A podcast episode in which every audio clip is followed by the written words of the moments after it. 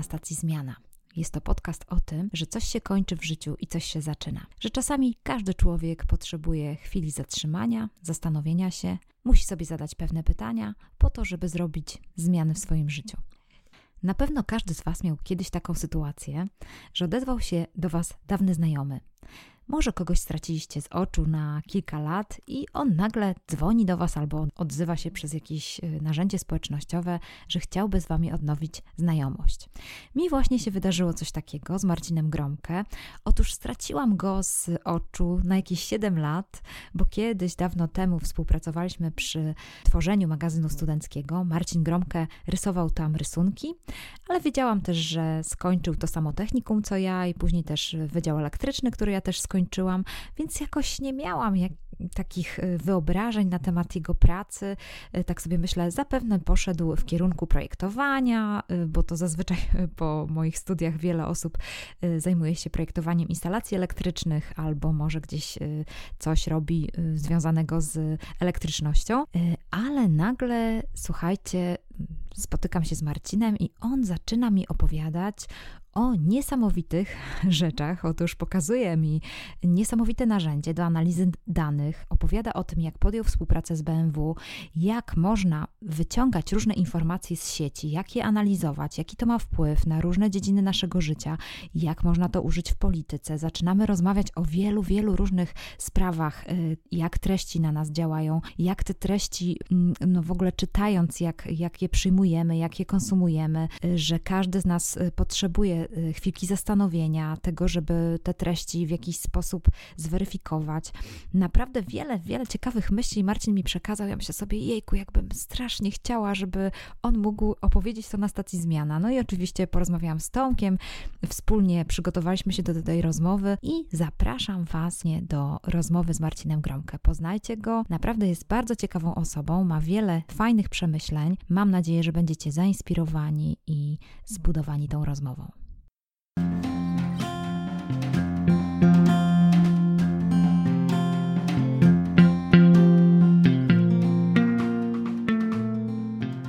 Jesteśmy na stacji Zmiana. Witam Was serdecznie Katarzyna Michałowska. Tomek Nadolny. Oraz Marcin Gromka. Dzień dobry. Jesteśmy w trójkę i chciałam Wam przedstawić e, Marcina Gromkę. Bardzo proszę, żebyś powiedział kilka słów o sobie, czym się zajmujesz, e, jakie są Twoje pasje może. Jestem przedstawicielem firmy Brandon Media, którą prowadzę od 8 lat. Jest to firma, która zajmuje się monitoringiem i analizą danych pochodzących z internetu, także z social mediów. A prywatnie jestem tatą prawie trzyletniej córeczki, którą wychowuję razem z moją cudowną żoną Asią. Super. Ale właśnie zanim stałeś się tym przedsiębiorcą, no to y, skończyłeś kierunek też mój ulubiony wydział na Politechnice Gdańskiej. Wydział Elektrotechniki i Automatyki. No widzisz, patrz, taki wspaniały wydział y, produkuje takich wspaniałych przedsiębiorców. A jak, y, a jeszcze chciałam właśnie się Ciebie zapytać też o to, bo wiem i możemy zdradzić to naszym słuchaczom, że jesteś również y, rysownikiem. Ja stąd Cię znam. Czy możesz coś powiedzieć o tym, czy dalej rozwijasz tą pasję, czy robisz cokolwiek w tej dziedzinie? Czy już tak to zarzuciłeś? Nie, nie zarzuciłem. Nie zarzuciłem mm, satyra właściwie, bo, bo to tym się głównie pałałem w młodszych latach. No to było coś, co naprawdę dosyć mocno też ukierunkowało moje życie. Z takiego punktu, z takiego powodu, że mm, to było też moje pierwsze źródło dochodu. Pierwszy rysunek opublikowałem w prasie ogólnopolskiej, jak miałem 11 lat i to był właśnie rysunek satyryczny ale w jakim dzienniku to było? W dzienniku olsztyńskim? Czy... Nie, to była, to była gazetka humorystyczna, którą prowadził Szczepan Sadurski. Dobry humor się nazywało to czasopismo, taki miesięcznie wydawane. I właśnie, właśnie satyra dosyć mocno mnie zawsze ciekawiła i, i bawiła. Właśnie takie komentowanie bieżącego świata czy, czy, czy spraw takich codziennych za pomocą rysunku pozwalało mi właśnie wyrazić jakby swoje myśli czy swoje zdanie na jakiś konkretny temat. I to się dosyć mocno rozwijało. Miałem współpracę z kilkoma czasopismami w Polsce, gdzie dostawałem, otrzymywałem jakieś niewielkie honoraria. Później pojawiła się karykatura w czasie przerw wakacyjnych. Pracując w restauracji, miałem okazję zawsze po pracy wyjść trochę na starówkę olsztyńską i przechodniom za jakąś drobną opłatą e, rysować karykatury, portrety. Czyli po prostu od młodych lat jesteś przedsiębiorcą, moim zdaniem, bo to jest taki duch przedsiębiorczości. No masz talent i po prostu starasz się go zmonetyzować i to naprawdę jest fajne. Tak, to było właśnie takie mhm. fajne, bo to nie było takie nakierunkowane bardzo mocno e, przychodami, a, a te przychody przyszły później tak naprawdę, automatycznie. Te rysunki właśnie wysyłałem, czy rysowałem, te karykatury, dostawałem właśnie jakieś za to niewielkie pieniądze, które pozwalały e, sfinansować jakby swoje bieżące potrzeby. I to jest naprawdę fajne. Mam nadzieję, że to słuchacze już widzą, że tutaj mamy tak, taki podwójną naturę Marcina trochę odkrywamy, no bo wyobraźcie sobie, jest rysownikiem i właśnie my poznajemy się przy współpracy nad magazynem, bo Marcin zaczyna rysować y, też w naszym magazynie, to było bardzo fajne i stąd właśnie znam Marcina. Y, a później właśnie kończysz studia i co dalej? Jak Twoja droga zawodowa się rozwija? Po obronieniu tytułu magistra inżyniera na elektrotechnice podjąłem pierwszą pracę na etacie. Byłem asystentem projektanta instalacji elektrycznych i to była, to była moja pierwsza praca, moje pierwsze zetknięcie z przemysłem. Przepracowałem tam trochę ponad rok. No i z takich względów formalnych byłem zmuszony e, opuścić firmę i wtedy miałem właśnie taki okres w swoim życiu, gdzie mm, dosyć ciężko było znaleźć mi jakby następną pracę, ponieważ był to okres 2009 roku, gdzie no to bezrobocie w Polsce było dużo wyższe, z pracą było dosyć trudno. Zacząłem aktywnie szukać tej pracy, ale, ale tak jak już wspomniałem, no, było dosyć ciężko że, ze znalezieniem nowego pracodawcy. Też już miałeś swoje wydatki, bo rozumiem, że przeprowadziłeś się z Olsztyna do Gdańska, po studiach zostajesz tutaj, tak? I tak, y, tak. mieszkasz razem z żoną, dziewczyną wtedy? Wtedy z dziewczyną. Dziewczyną, no tak, no to wydatki wiadomo i tutaj nie ma pracy. No nie, nie mogłem znaleźć, nie mogłem znaleźć, ale postanowiłem trochę wykorzystać inaczej ten czas.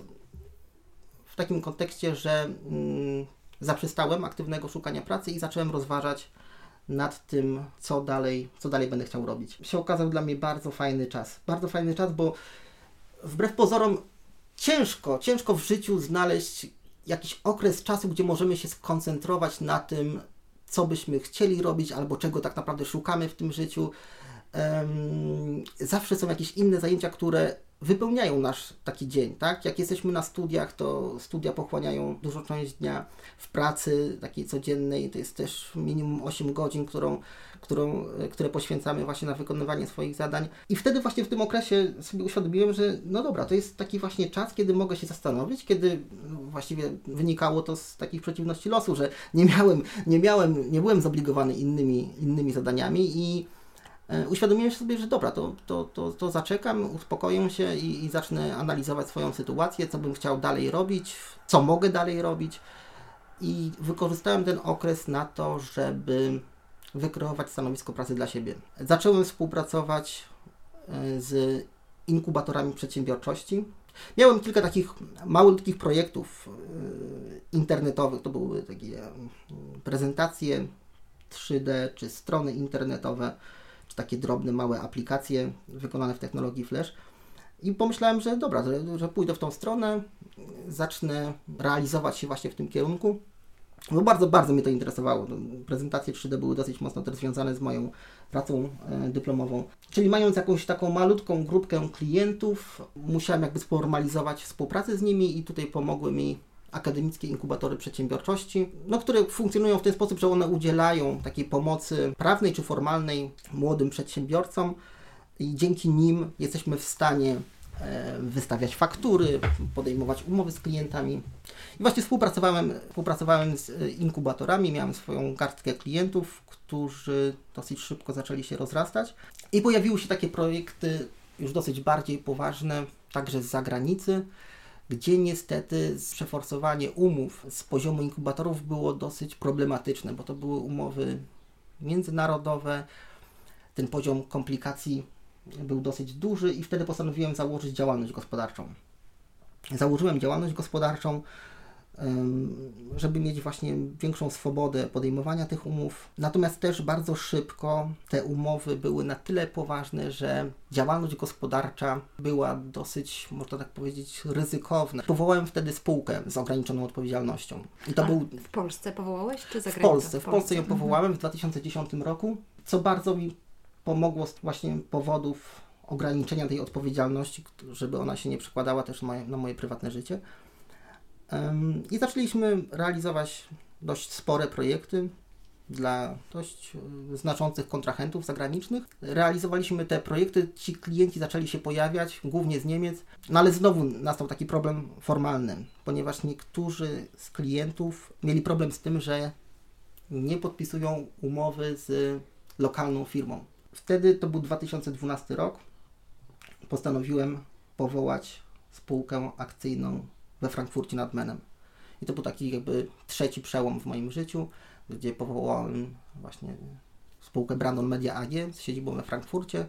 Pozwoliło mi to właśnie e, zrealizować te kontrakty z tymi klientami, którym polityka wewnętrzna nie pozwalała wpisywać czy nawiązywać umów firmami, które są spoza Niemiec. Właśnie to jest bardzo ciekawe. Mam nadzieję, że słuchacze to widzą, tą drogę, którą Marcin przebył. Czyli wyobraźcie sobie, 11-letni Marcin sprzedaje rysunki, później rysuje, e, idzie na studia na Politechnikę Gdańską, następnie podejmuje pracę według swego zawodu, traci ją i jednak wykorzystuje ten czas przerwy, zastanawia się, co robić dalej i jak widzicie, idzie dalej e, w e, innowacyjny sposób podchodzi do swojej pracy, kreujesz sobie własne stanowisko, ale to oczywiście nie oznacza, że od razu e, wszystko jakby żyli długo i szczęśliwie, tylko też na, natrafiamy na różne inne rafy koralowe, czyli to, że, że też musisz tutaj powołać tą spółkę, tak jak mówisz, za, w Niemczech założyć spółkę z ograniczoną odpowiedzialnością, więc dalej przesz do przodu. Powiedz, z kim tam współpracowałeś? To są wydawnictwa takie jak Handelsblatt, czy to są też koncerny motoryzacyjne jak BMW czy banki papierów wartościowych zlokalizowane w Niemczech. Mamy też dużo mniejszych przedsiębiorstw, e, agencji konsultingowych. No właśnie, i tu jest teraz nasze clue. Co dla nich robisz? My właśnie o tym chcemy z Tomkiem porozmawiać. Ja chciałam tylko właśnie najpierw nakreślić naszym słuchaczom tą, e, tą Twoją historię, bo to jest ważne e, z, punktu widzenia naszej stacji Zmiana, ale właśnie co Ty robisz, Marcin, dla nich?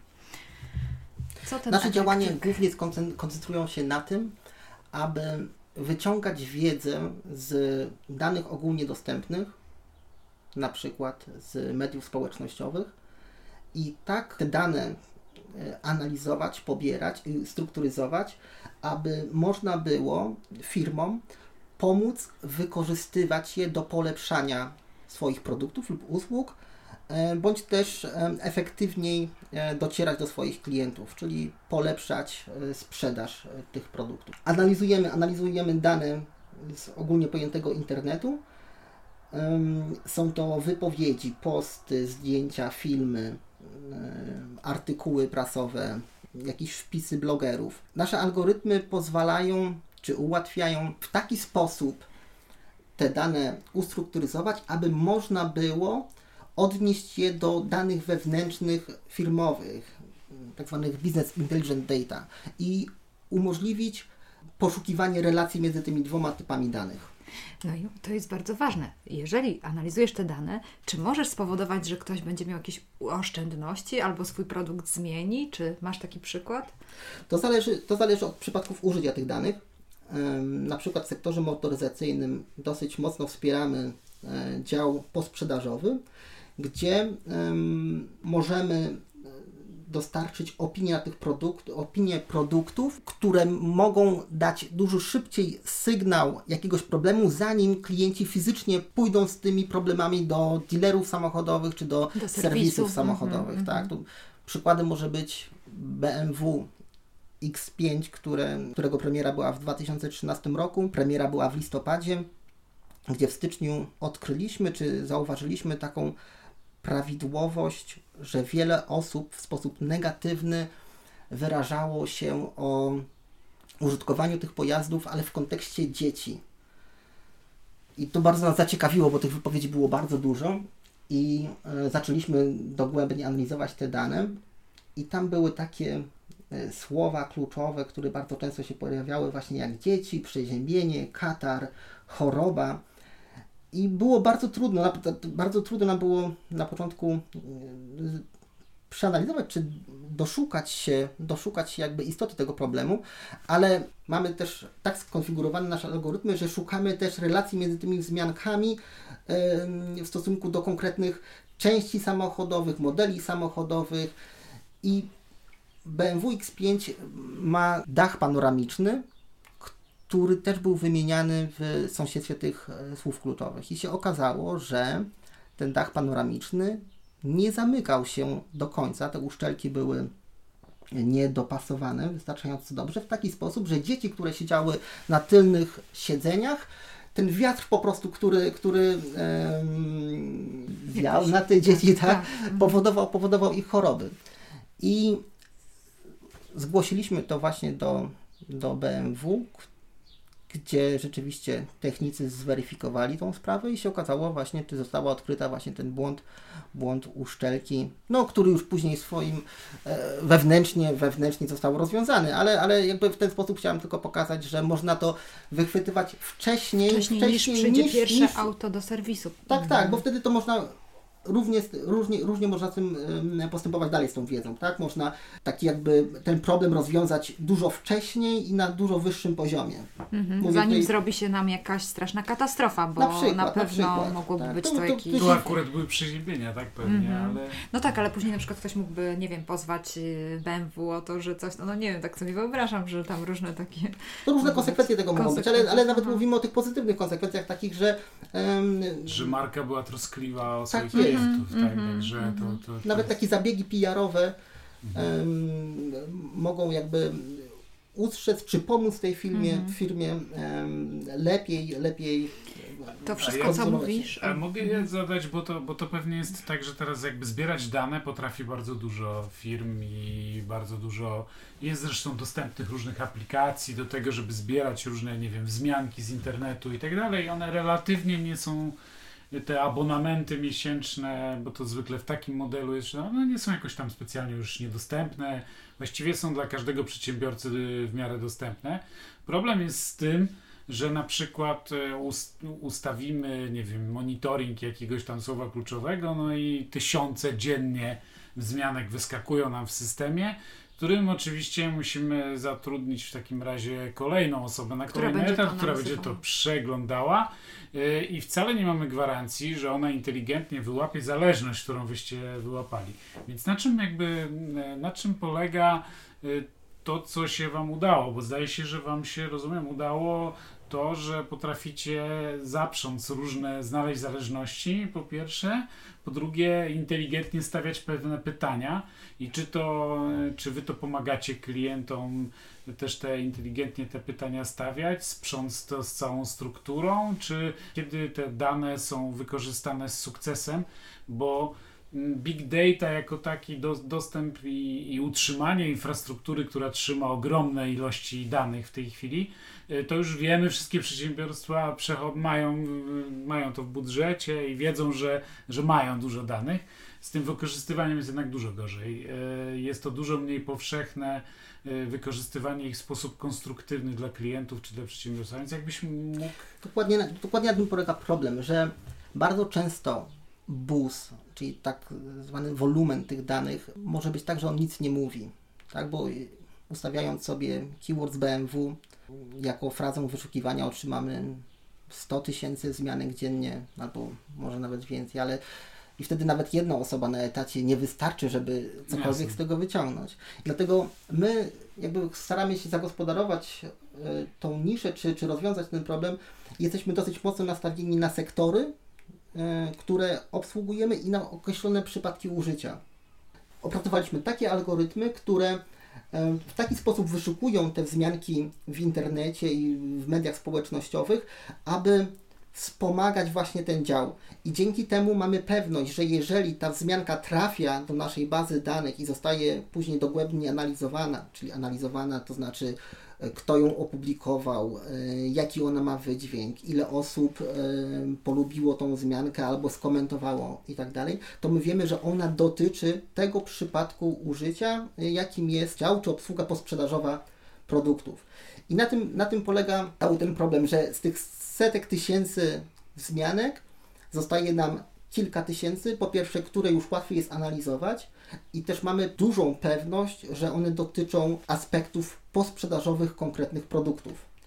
I dzięki temu z ogromnej, z ogromnej liczby informacji robi się nam ich mniejsza ilość, którą łatwiej ogarnąć, łatwiej dopasować, ale to jest tylko pierwszy etap, bo drugi etap to jest tak, że my też mamy narzędzia do zestawiania tych danych z social mediów i można szukać tam właśnie bezpośrednio relacji, na przykład z, z informacjami, którymi dysponuje firma wewnętrznie, czyli ile samochodów trafia do serwisu, ile problemów zgłaszali klienci. I jeżeli ta relacja zostanie zdefiniowana, wtedy możemy też wyznaczać trendy, e, przewidywać zachowania już nawet nie internautów, a konkretnych klientów. Niesamowite. Czyli mimo wszystko, no, mimo wszystko technologia technologią. Wy ma, widzę, że posiedliście bardzo jakby ciekawy jej aspekt, a z drugiej strony jednak potrzebna jest wśród zarządzających w firmie duża otwartość na to, że, że jednak otwieramy się na partnera zewnętrznego, który jest w stanie nam też no, co tu dużo że mówić, jest w stanie nam też mhm. powiedzieć wiele rzeczy, a z drugiej strony ufamy mu na tyle, że jesteśmy w stanie mu powierzyć też dane nasze wewnętrzne i skonfrontować je ze sobą. Także dokładnie, my... dokładnie tak jest, dokładnie tak jest i to jest jeden z wielu problemów, ponieważ większość firm wie, że trzeba monitorować internet, że trzeba monitorować media społecznościowe, ale wiele z nich nie wie, co z tymi danymi zrobić. I często jest tak, że w firmach znajdują się już narzędzia do monitoringu mediów, natomiast ich użycie jest albo bliżej nieokreślone, albo robią to bardzo zachowawczo, czyli dobrze monitorujemy i w razie czego będziemy je analizować, ale na razie wkładamy je do teczki. Natomiast my staramy się pokazać, że można je tak wykorzystywać, te dane, gdzie e, będą one się przekładały, te analizy będą się przekładały bezpośrednio na profity takie finansowe e, przedsiębiorstwa. Ja się pochwalę, mhm. że mie mieszkamy tu w mieście, w którym w 2012 roku, jak było organizowane euro, to ja osobiście siedziałem przy takim pulpicie, przy którym miałem narzędzia do monitorowania wzmianek w social mediach i w internecie i pamiętam zdumienie, ponieważ siedzieliśmy w jednej dużej sali z osobami, które odpowiadały za bezpieczeństwo, czyli tam byli przedstawiciele Straży Miejskiej, Policji, Straży Pożarnej, taki sztab kryzysowy miejski na czas euro powołany, y, monitory i tak dalej. Y, tak to wyglądało, jak wygląda to w filmach, y, taki, taki centrum zarządzania. No i ja tam siedziałem w pomieszczeniu z tyłu i na przykład przyszedłem do panów policjantów i mówię, słuchajcie, na długim targu wybito wielką szybę, wybili kibice, więc coś się tam e, dzieje i oni zaczęli się kontaktować z tymi na miejscu policjantami i ci policjanci potwierdzili jednocześnie powiedzieli, że nikt nie chciał zgłosić szkody, bo od razu ci kibice z właścicielem dogadali się co do naprawy szkody. Więc jakby nikt nie złożył żadnej, nie chciał złożyć skargi ani żadnego tej. Jednak zaskoczenie policjantów. Że wiedziałeś szybciej. I że ja i wiedziałem szybciej niż oni od tych swoich tam na, w terenie. I że ja to wiem z e, facebookowych czy z Twittera, było tak wielkie. Pamiętam, że oni tak wtedy nabrali szacunku do tego, że jednak tam z tego można coś ciekawego wyciągnąć, że to było dla mnie takie duże doświadczenie. Ale ja bym jeszcze tylko jedno pytanie Ci zadał. Jak długo trwało ten Twój taki czas? Czy, czy Ty widziałeś w nim jakieś etapy? Jak on w ogóle wyglądał ten czas, w którym Ty przestałeś pracować? a znalazłeś tą nową formułę, jaką jest teraz Twoja firma, która potem tam naturalnie, znaczy naturalnie, czy dzięki Twoim, czy jeszcze Twoich partnerów zdolnością się rozwija, e, ale ten, ten etap, w którym Ty to zbudowałeś, wymyśliłeś jakiś model, za co Ty będziesz zarabiał, co Ty będziesz robił i tak dalej. Po zakończeniu, po zakończeniu pracy jako asystent projektanta, tak jak wspominałem, no, przez pierwszy miesiąc dosyć aktywnie szukałem pracy. I aktywnie to mówię naprawdę aktywnie, czyli przygotowywałem się, e, szukałem firm, gdzie mógłbym znaleźć zatrudnienie. E, dość dobrze chciałem e, opisać swoje umiejętności, ale po tym pierwszym miesiącu, czy nawet półtora, gdzie żadnego feedbacku nie było, to przestałem szukać pracy aktywnie. Ale właśnie po to, żeby trochę oczyścić sobie umysł, ponieważ jak trochę szukamy, a trochę myślimy, to ciężko nam jest skoncentrować się na, na jednej z tych gałęzi. I wtedy przestałem szukać tej pracy i mm, zacząłem analizować swoje umiejętności, zasoby. Szedłem do tego bardzo analitycznie, czyli wyliczyłem, ile mogę mieć czasu, ile mam oszczędności, na co te oszczędności mi pozwolą. Zadawałem sobie też takie pytania, gdzie bym chciał się realizować. I to nie mówię naprawdę o latach. Bardzo patrzyłem na to, mo, może o, latach, ale w takim e, sensie, że, że rok, dwa. Nie, nie, nie chciałem wybiegać gdzieś tak bardzo długo, ponieważ to jest bardzo, bardzo ciężkie i według mnie często mylne, żeby tak sobie wyklarować taką naprawdę ścieżkę kilkuletnią. W tym okresie zacząłem zajmować się, czy, czy doszkalać, czy pogłębiać swoją wiedzę właśnie na temat różnych technologii internetowych. Tak jak wspominałem, znalazłem takie dwa małe projekty, które mogłem zrealizować. To była ta ścieżka, która mi się bardzo podobała, bo konsumowałem ten swój wolny czas bez pracy na to, żeby trochę pogłębić swoje, e, swoją wiedzę i umiejętności w takim kierunku internetowym. Pojawiły się nawet właśnie kilka takich małych zleceń. I to był okres około pół roku, około 6, 6 miesięcy, gdzie postanowiłem, że dobrze, że będę zajmował się właśnie jakby tworzeniem e, aplikacji, tworzeniem e, stron internetowych, sklepów internetowych i, i to, to był ten okres właśnie około 6 miesięcy, gdzie podjąłem współpracę z inkubatorami. I ten czas właśnie to jest ten czas, który, który pozwolił mi jakby znaleźć jakby nową ścieżkę w życiu. I w międzyczasie, jak, jak miałem tych pierwszych małych klientów, dość aktywnie poszukiwałem jakiegoś takiego projektu, który by był takiego projektu, który by mi pochłonął na jakiś dłuższy okres. I przygotowałem taki koncept agregatora treści, treści czy, czy właściwie artykułów finansowych, który później realizowałem właśnie z Handelsblattem. I oni jakby zgodzili się na realizację tego projektu, czyli ja im podesłałem pomysł, spodobał mi się ten pomysł, dali mi zlecenie na ten pomysł, żebym je zrealizował i, i to, była, to, była, to, to, był właśnie taki agregator, gdzie w czasie rzeczywistym zbieraliśmy informacje dotyczącą akcji poszczególnych spółek na giełdzie. Czyli można było mieć szybki podgląd e, na najnowsze informacje, które traktowały o tym, które zbierały informacje na temat określonych spółek giełdowych. No dziś podobno boty podejmują już decyzje finansowe, które w ten sposób... tak... Okej, okay, tak, Ale to, był jakby, to, było, to była właśnie tak jakby pierwsza wersja e, narzędzia, która, e, czy pierwszy koncept narzędzia, które monitoruje internet w celu pozyskania jakichś konkretnych informacji.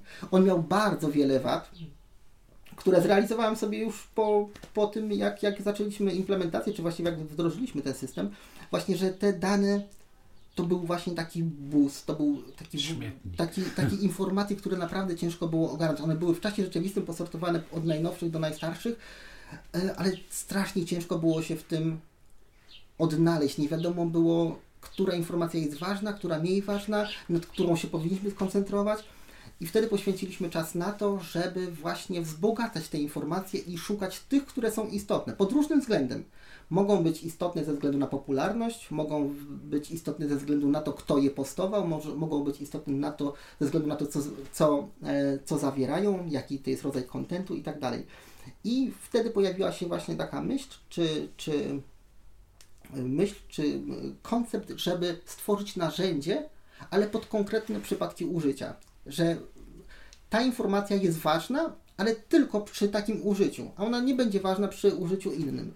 I dlatego skoncentrowaliśmy się na konkretnych branżach czy sektorach yy, i konkretnych przypadkach użycia, gdzie mogliśmy się poświęcić na wykreowaniu konkretnych algorytmów użytecznych dla konkretnego przypadku użycia. I to, i, i to zajęło już kilka lat, czy właściwie nawet ciągle nam to zajmuje czas, bo my cały czy czas... ciągle to udoskonalać. Właśnie to jest ciekawe, bo widziałam Marcina to narzędzie i to jest niesamowite, że kiedy zagląda się do niego, to można zauważyć tą... Um, tą analitykę y, powiązaną z tą ważnością, że czy ta informacja jest ważna, czy nieważna dla, dla odbiorcy. I to jest naprawdę y, ciekawe, dlatego że od razu już jest jakby jakieś sortowanie, czyli wykonuje to narzędzie pracę, którą wyobrażamy sobie, że ktoś, kto tylko zobaczy te przeanalizowane, no załóżmy zebrane frazy, że to wykonuje już jakby następny krok. To narzędzie wykonuje ten krok tej analityki. I...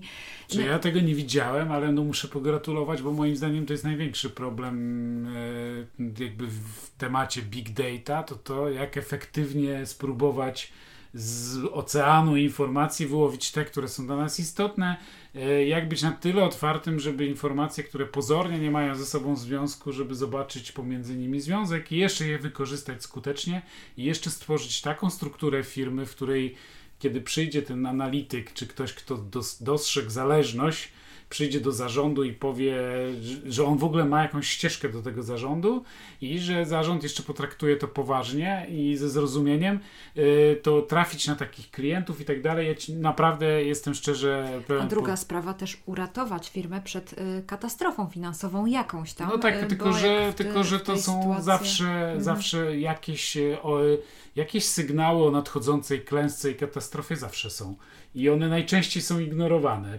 Problem jak stworzyć takie algorytmy, które je wyłapują, to świetna rzecz, a druga rzecz jeszcze stworzyć, żeby był, był szybki telefon, czy czerwony telefon, mówiąc tak obrazowo, pomiędzy decydentami i jeszcze ci decydenci muszą być na tyle mądrzy i pokorni, że są w stanie zaufać tym informacjom i je zweryfikować.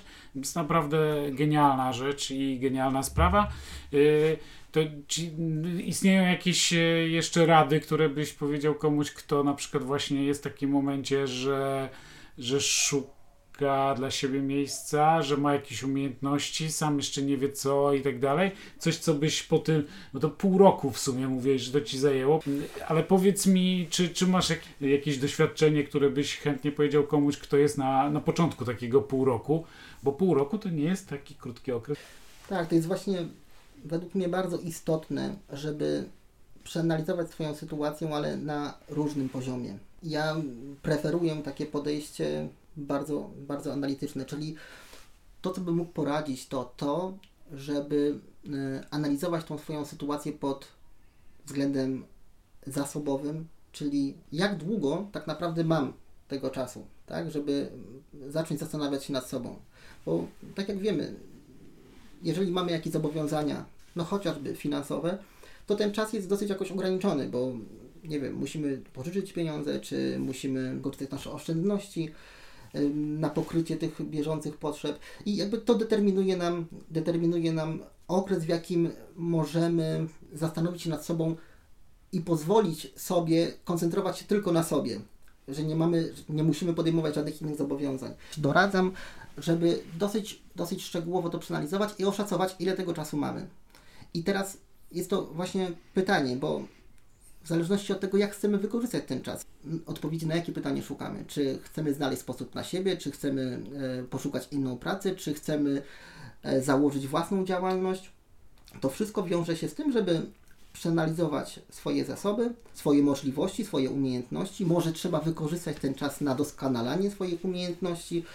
I uważam, uważam że czy robiąc te kalkulacje, mamy większy spokój ponieważ my wiemy, że dobrze, mam 6 miesięcy, które mogę spokojnie przesiedzieć, przeanalizować swoją sytuację, poszukać, zastanowić się. Natomiast jeżeli byśmy robili to w taki sposób ad hoc, taki spontaniczny, to możemy dojść do takiego momentu, gdzie mm, nagle nasze zasoby się kończą, my tej odpowiedzi nie znaleźliśmy ym, i dodatkowo wpędzamy się w jakieś dodatkowe problemy, które no, mogą być później jeszcze trudniejsze do, do rozwiązania. W każdym razie Ważne jest według mnie oszacować sobie, czy założyć jakiś określony czas i naprawdę się na tym skoncentrować, czyli odłączyć się od, yy, od rzeczy, które są obecnie nam niepotrzebne. Czyli jeżeli naprawdę postanawiamy zastanowić się nad sobą, a według mnie każdy powinien mieć okres w życiu, gdzie ma czas zastanowić się nad sobą.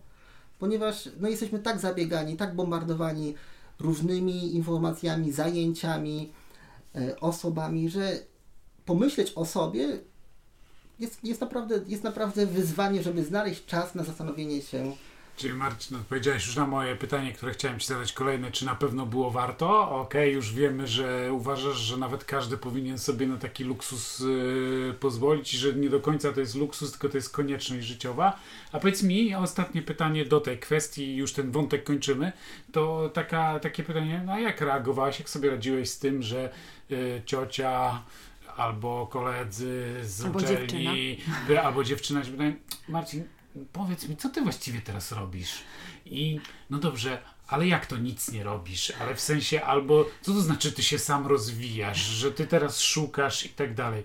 Jak to? Przecież ty jesteś inżynierem, ty nie możesz znaleźć pracy. No właśnie, przecież jest tyle pracy dla projektantów, nie? Bo I, przecież i tak, już Jak to sobie z tym e, radziłeś? E, pytam w okresie, znaczy pytam, bo, bo, bo wydaje mi się, że wiele osób ma z tym taki problem, że jednak na zewnątrz są oczekiwania społeczne, że takie pół roku, jak ty sobie zrobiłeś takiego dokształcania, y, researchu, bo trochę tak słyszę, że było w tym y, tego typu elementów i takiego zastanawiania się analitycznego, co jest ważne dla mnie, co jest moją mocną stroną i tak dalej, i tak dalej, że zrobienie sobie takiego pół roku, nawet jeśli nas stać, to często kontekst społeczny jest taki, że ludzie uważają nas, nie wiem, za nieroba, za kogoś niebieskiego ptaka, za kogoś, kto y, ma, y, powinien się zająć konkretną robotą, a on tutaj o niebieskich migdałach y, myśli.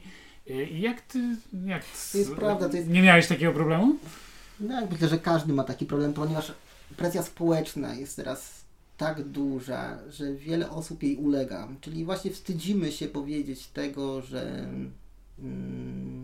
że nie mam że, że mam teraz czas dla siebie, czy y, nie mam pracy, nie mam dochodów. To jest bardzo trudne i, i zdaję sobie z tego sprawę i też tak miałem też miałem takie pytania, czy, czy, czy były też takie osoby, które dosyć wątpiły, czy nie wierzyły, że to jest dobry okres, żeby coś takiego robić, czy pozwalać sobie na coś takiego. Ja dosyć łatwo, do, łatwo nie miałem z tego dużego, dużym problemu, ponieważ no nie ulegałem, naprawdę nie ulegałem tej presji otoczenia. Jakby, mm, tak jak mówię, starałem się odsunąć od siebie wszystkie rzeczy, które mnie rozpraszają, a ta właśnie presja społeczna też mnie dosyć mocno rozpraszała, czy mogłaby rozpraszać. I jakby ucinałem ten temat, albo, albo po prostu deklarowałem odpowiedź na takie pytania za kilka miesięcy gdzie ten plan już mógłby być wdrożony, albo bo, tak jak powiedziałem, miałem określony czas, czyli wiedziałem, że coś będę robił, tak, że ta decyzja będzie podjęta, natomiast ciągle się wahałem, czy chciałem się upewnić, którą z tych decyzji podejmę. Natomiast wiedziałem, kiedy, kiedy, kiedy, ta, decyzja, kiedy ta decyzja podjęta będzie i to, co robiłem, to jeżeli już takie wątpliwości się pojawiały, czy pytania takie, czy presja taka się pojawiała zewnętrzna, to po prostu odsyłałem do powrotu do tego pytania za kilka miesięcy. Właśnie to jest bardzo ważne moim zdaniem, żeby słuchacze zrozumieli też z kim mają jakby do czynienia. Jeżeli chodzi o Marcina, to tak tylko podpowiem, że Marcin ma właśnie takie mm, sprecyzowane własne cele i własne y, spojrzenie i własne wartości. To właśnie jest, y, bardzo w Tobie to podziwiam, bo zauważcie, że on nie odszedł z pracy, bo go zwolnili, tylko odszedł z pracy tamtego projektanta ze względu na to, że po prostu nie chciał iść tak na jakiś kompromis. Nie chciał iść na pewien kompromis i zdecydował się na to, żeby odejść z pracy i jednak roz, rozumiecie, tą całą swoją, jakby postawić pod znakiem zapytania te same, całe swoje wykształcenie. Dokładnie Cię rozumiem, bo też jestem po, po, po naszym wydziale Politechniki i jest takie pytanie w życiu, y, co, co będę robić, a oczekiwanie z zewnątrz, że będziesz, no tyle się kształciłeś w tym kierunku, będziesz projektantem, czy tam mm, pracował w, w przemyśle energetycznym czy elektrycznym.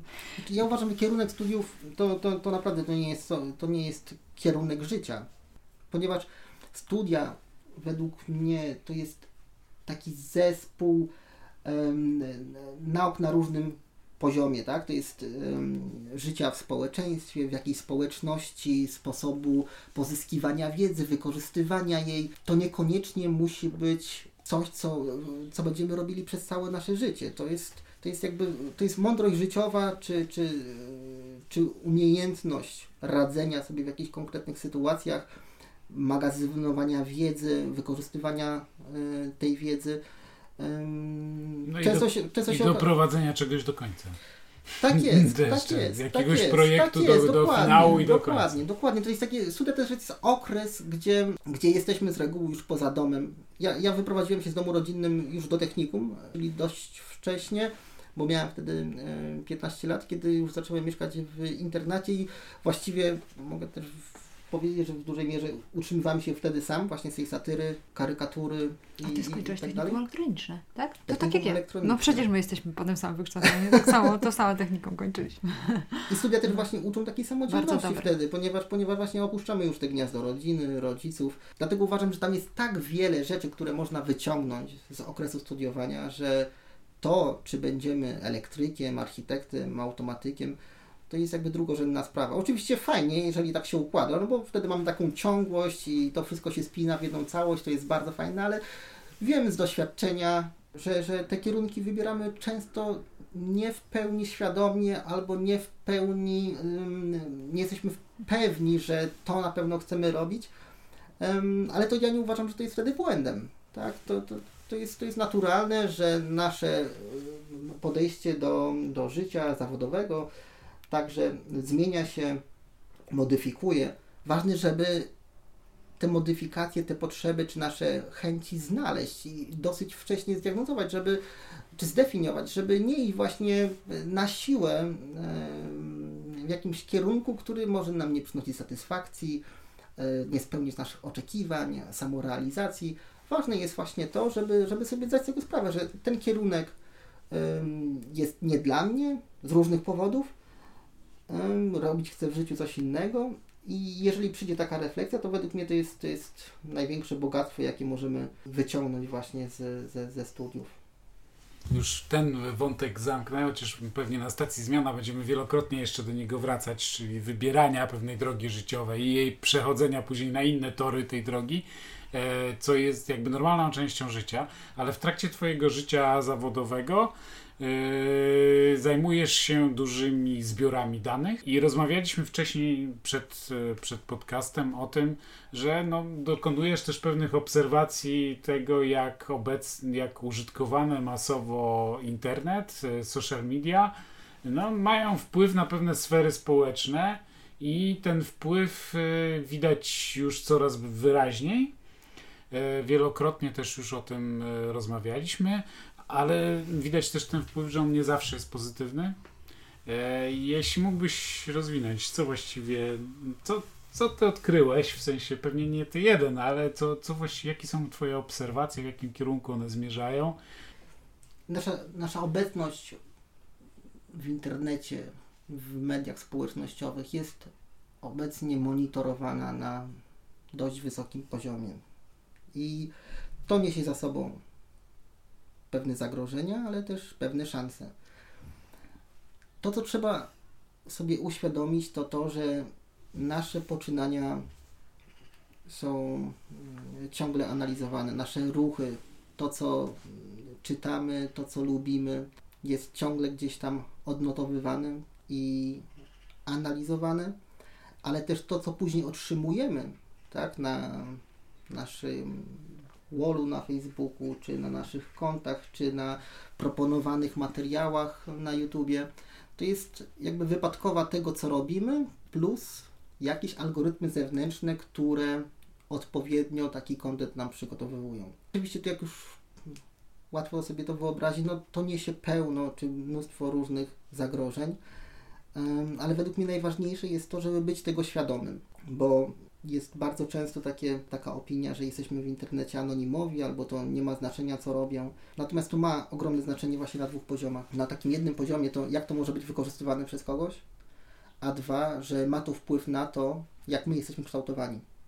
Ponieważ te wszystkie sugestie, które otrzymujemy, czy to w postaci reklam, kontentu, który jest nam serwowany, no wpływa też na nasz światopogląd, na nasze opinie, na to, jak postrzegamy różne sprawy. I to jest takie, e, taka pętla, bo zaczynamy wtedy zapoznawać się z tym właśnie sugerowanym kontentem. My zaczynamy go znowu jakby komentować, lajkować czy, czy czytać. Te dane znowu trafiają do firm, które, które dysponują różnymi rodzajami e, algorytmami, żeby dopasować nam następną porcję tych informacji. Dlatego według mnie trzeba być świadomym tego, co robimy i co czytamy, co nam się podaje do konsumpcji. I chyba też je, jak reagujemy, nie? Czyli to jakiego typu posty, czy o jakim zabarwieniu lajkujemy, jakie komentujemy, a jakich stron nie lubimy, e, czy na jakie, nie, nie, na jakie po prostu nie mogą liczyć wyświetlane na naszym wallu, nie, nie mogą liczyć na żadną reakcję z naszej strony, tym całym wysyłamy maszynom i, i, ludziom, którzy im zadają pewne pytania, tak? Wysyłamy cały szereg różnych informacji, prawda? Tak jest, właśnie brak aktywności to też aktywność. I dlatego dajemy cały czas y, informacje o tym, gdzie jesteśmy, co robimy, w jaki sposób komentujemy, co do nas dociera, co do nas nie dociera. Tu jest, tu jest też właśnie takich wiele poziomów moralnych, właśnie od, y, które musimy też wziąć pod uwagę, y, że nie muszą one być wykorzystywane w dobrej wierze. I to jest według mnie największe zagrożenie, że nasze nieświadome poczynania w internecie mogą być wykorzystywane, no niestety, ale właśnie w mm, takim niekoniecznie dobrym dla nas e, celu. Jakiś przykład?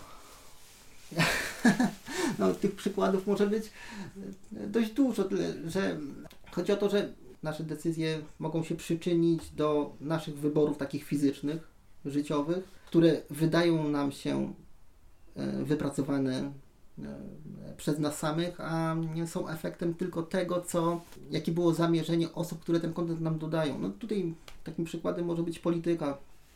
Myślę, że jest temat, który dotyczy każdego z nas, a jednocześnie, a jednocześnie ma na to, kogo wybieramy w wyborach prezydenckich, parlamentarnych czy, czy, czy jakichś innych, będzie miało później też wpływ na to, y, na nasze takie realne życie, tak? Czy, czy... Dlatego, dlatego tutaj ten, ten aspekt tego, w jaki sposób te wybory fizyczne dokonujemy, dokonujemy też ich na podstawie tego, co otrzymujemy w internecie, jakie newsy czytamy, jakie opinie czytamy, a niekoniecznie to musi być y, prawdziwe czy, prawdziwe czy zgodne z naszymi e, o, właściwie nie, nie, nie wiem, czy zgodne z naszymi opiniami, ale chodzi mi bardziej o to, że znamy tylko, znamy tylko tą opinię z jednego, z jednego punktu widzenia. Dlatego, dlatego według mnie bardzo ważne jest to, żebyśmy potrafili selekcjonować informacje, wybierać je, y, sprawdzać i weryfikować.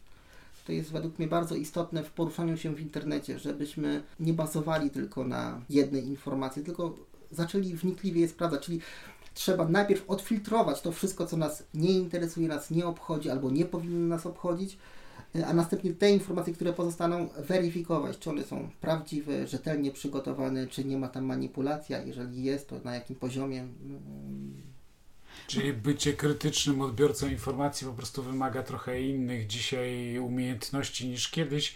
Po prostu trzeba, trzeba umieć e, weryfikować jednak ponosić wysiłek jeszcze raz przeszukania, sprawdzenia w innych źródłach i tak Na dalej. Pewno uciekać ale też e, wydaje, e, nie wiem czy potwierdzisz moje, ale no współczesna, współczesna psychologia raczej dowodzi, że wyłącznie złudzeniem naszym jest to, że eksponowane nam różne informacje nie mają na nas żadnego wpływu, że my jesteśmy zdroworozsądkowi i, że potrafimy się im opierać skutecznie naszym rozumem, że to, to jest kompletne złudzenie i to, co jest nam eksponowane, czy to w to jak często mamy zetknięcie z jakąś informacją, nawet ten tak zwany efekt ekspozycji powoduje, że po jakimś czasie wydaje nam się, że to już jest część naszego mindsetu tak zwanego, więc nie wiem, czy masz też takie tego typu przekonanie? Tak, ale z drugiej strony mamy też narzędzia, czy mamy dostęp do wielu różnych źródeł informacji, a to już jesteśmy w stanie przetworzyć, przeanalizować i wyprowadzić jakąś konkluzję, e, jeżeli mamy pogląd e, z różnych środowisk na jeden problem.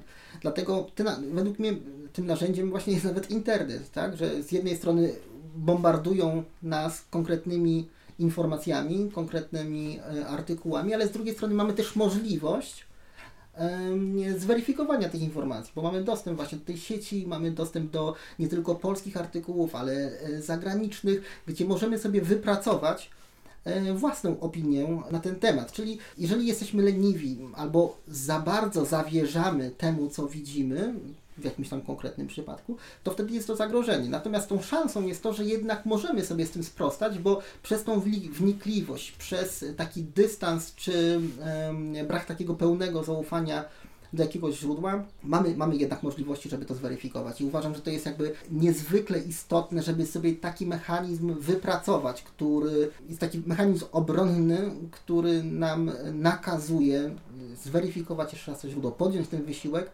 Dlatego ta selekcja jest też bardzo istotna, bo inaczej nie będziemy, nie, nie mamy czasu wszystkiego przeanalizować. Dlatego musimy wybierać to, co jest zgodne e, z naszymi oczekiwaniami, z tym, czego szukamy w sieci, z dwóch powodów. Jeden powód to jest właśnie, że wtedy obracamy się tylko w konkretnych tematach, które są w obrębie naszych zainteresowań, a dwa też nie tracimy czasu na konsumpcję materiałów, które zabiera nam czas, które możemy spędzić zupełnie inaczej, e, bardziej efektywnie, chociażby nie tylko online, a, a też, a też w, w świecie poza rzeczywistym, tak, poza siecią. Bardziej, ale jest taki naturalny mechanizm, w którym często poszukujemy podświadomie, nieświadomie informacji, które po prostu potwierdzają nasze wcześniejsze poglądy i nasze y, również ideologie, które wierzymy, czy, czy nasze zapatrywanie na różne opinie, rzeczy. Podświadomie wybieramy takie fanpage też lubimy, takie posty też lajkujemy.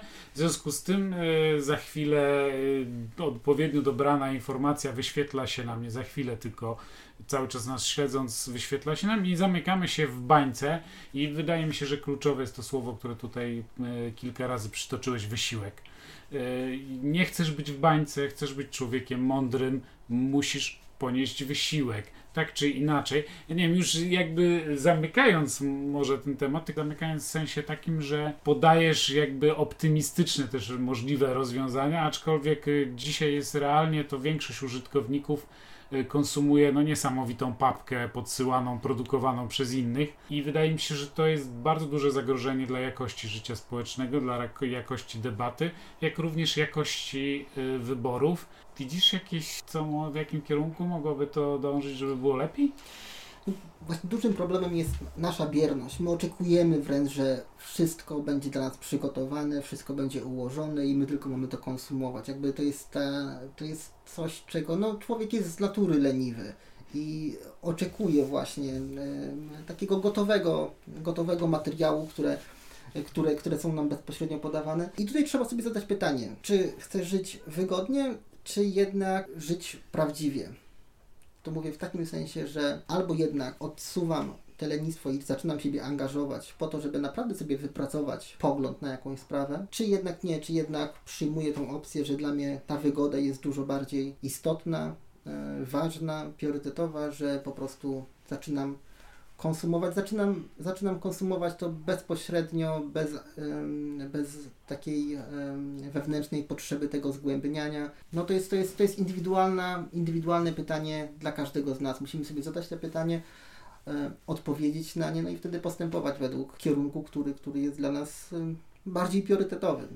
Czyli tak podsumowując, to trzeba po prostu wychodzić ze swojej strefy komfortu. Ty przynajmniej e, uważasz, że, że warto? Ja e, zachęcam, naprawdę zachęcam, żeby wychodzić od czasu do czasu ze strefy komfortu, bo jest tyle różnych możliwości, taki duży potencjał e, dookoła nas, że naprawdę zamykając się w strefie komfortu, to wszystko nas omija. I zdaję sobie z tego sprawę, jak trudno jest opuścić strefę komfortu na, na, na różnym y, poziomie, ale, ale naprawdę według mnie to jest coś, co z perspektywy czasu nigdy nie będziemy zawiedzeni, że wyszliśmy z jakiejś strefy komfortu. Tak, tak uważam i myślę, że z perspektywy czasu każdy, każdy docenia y, to, że w końcu wyszedł z jakiejś strefy komfortu. Czyli nikt nigdy nie żałuje tego, że dotknął czegoś, e, co, co, co wiązało się wcześniej z ryzykiem, że trzeba było pójść. I też e, no, trzeba też mieć, e, mieć takie poczucie, że jesteśmy gotowi też na to, że jeśli jesteśmy otwarci na różne informacje, wychodzimy poza bańkę informacyjną, to czasami ten dyskomfort polega również na tym, że się przekonujemy, że nie wszystko, w co wierzyliśmy dotąd jest słuszne i, i że nie każdy, kto był naszym autorytetem ma rację i że dane, które bezrefleksyjnie nam wchodziły do głowy, że po zweryfikacji układają się w zupełnie inny obraz. Powiem że czasami, że to naprawdę boli. To jest czasami są Oj, tak. rozczarowania dla Bardzo. ludzi ogromne. Z tego powodu E, ludzie nie chcą. I właśnie to, to powoduje robić ten. e. To, s- mówimy, ok, z psychologii wyjście ze strefy komfortu, ale to czasami jest takie dostawanie mm, po głowie e, ciężkimi przedmiotami, mentalne oczywiście, e, że naprawdę dla wielu z nas jest to trudne i trzeba się w tym ćwiczyć. Ja myślę, że, ta, że to, i że to nie przyjdzie tak od razu, więc trzeba po prostu w tym nabierać wprawę i ten wysiłek trzeba ciągle, stale go wkładać. Do tego byśmy chcieli zachęcić naszych słuchaczy, yy, kończąc tą rozmowę. No niestety moglibyśmy tutaj rozmawiać dwie godziny, ale nie chcemy bardzo przedłużać. Dziękuję Ci Marcin za to, że chciałeś yy, odwiedzić stację Zmiana i opowiedzieć o tych swoich zmianach. Naprawdę że powiedziałeś, że tak. warto marnować czas na Oj, tak. analizę i na Super. podejmowanie decyzji, że, Tak. że, że człowiek na to zasługuje, żeby sobie zrobić nawet pół roku e, takiego rozmyśl, takiego konstruktywnego szukania swojej drogi. E, Tak. W każdym razie, no i to, że mi bardzo idea bliska, w której ja uważam, że, że ta od lat krążąca ta fraza, że dane to jest nowa ropa naftowa, na początku Łukasiewicz, który ropę naftową e, zaczął używać, też nie bardzo wiedział, że oprócz lampy naftowej do czegokolwiek ona innego będzie służyła, a przecież dzisiaj jakbyśmy sobie wyobrazili życie nasze bez tworzyw sztucznych, bez opon, e, paliwa i wielu innych rzeczy i paliwa rakietowego i tak dalej, to, to jakby trudno, trudno w ogóle sobie dzisiejszy świat wyobrazić bez ropy naftowej i pochodnych. E, To tak samo myślę, że jesteśmy na takim etapie, gdzieś jesteśmy trochę po Łukasiewiczu z tymi danymi Mm. i że dopiero jeszcze, dopiero jeszcze zobaczymy, e, jak, jakie to są złoża i jak bardzo są bogate. Dlatego jestem pełna e, takiej ciekawości, jak będzie wyglądało Twoje życie i praca za 10 lat i trzymamy kciuki za Ciebie i myślę, że wszyscy nasi, nasi słuchacze razem z nami. Dziękuję bardzo za uwagę. Bardzo dziękuję za rozmowę. Dzięki wielkie.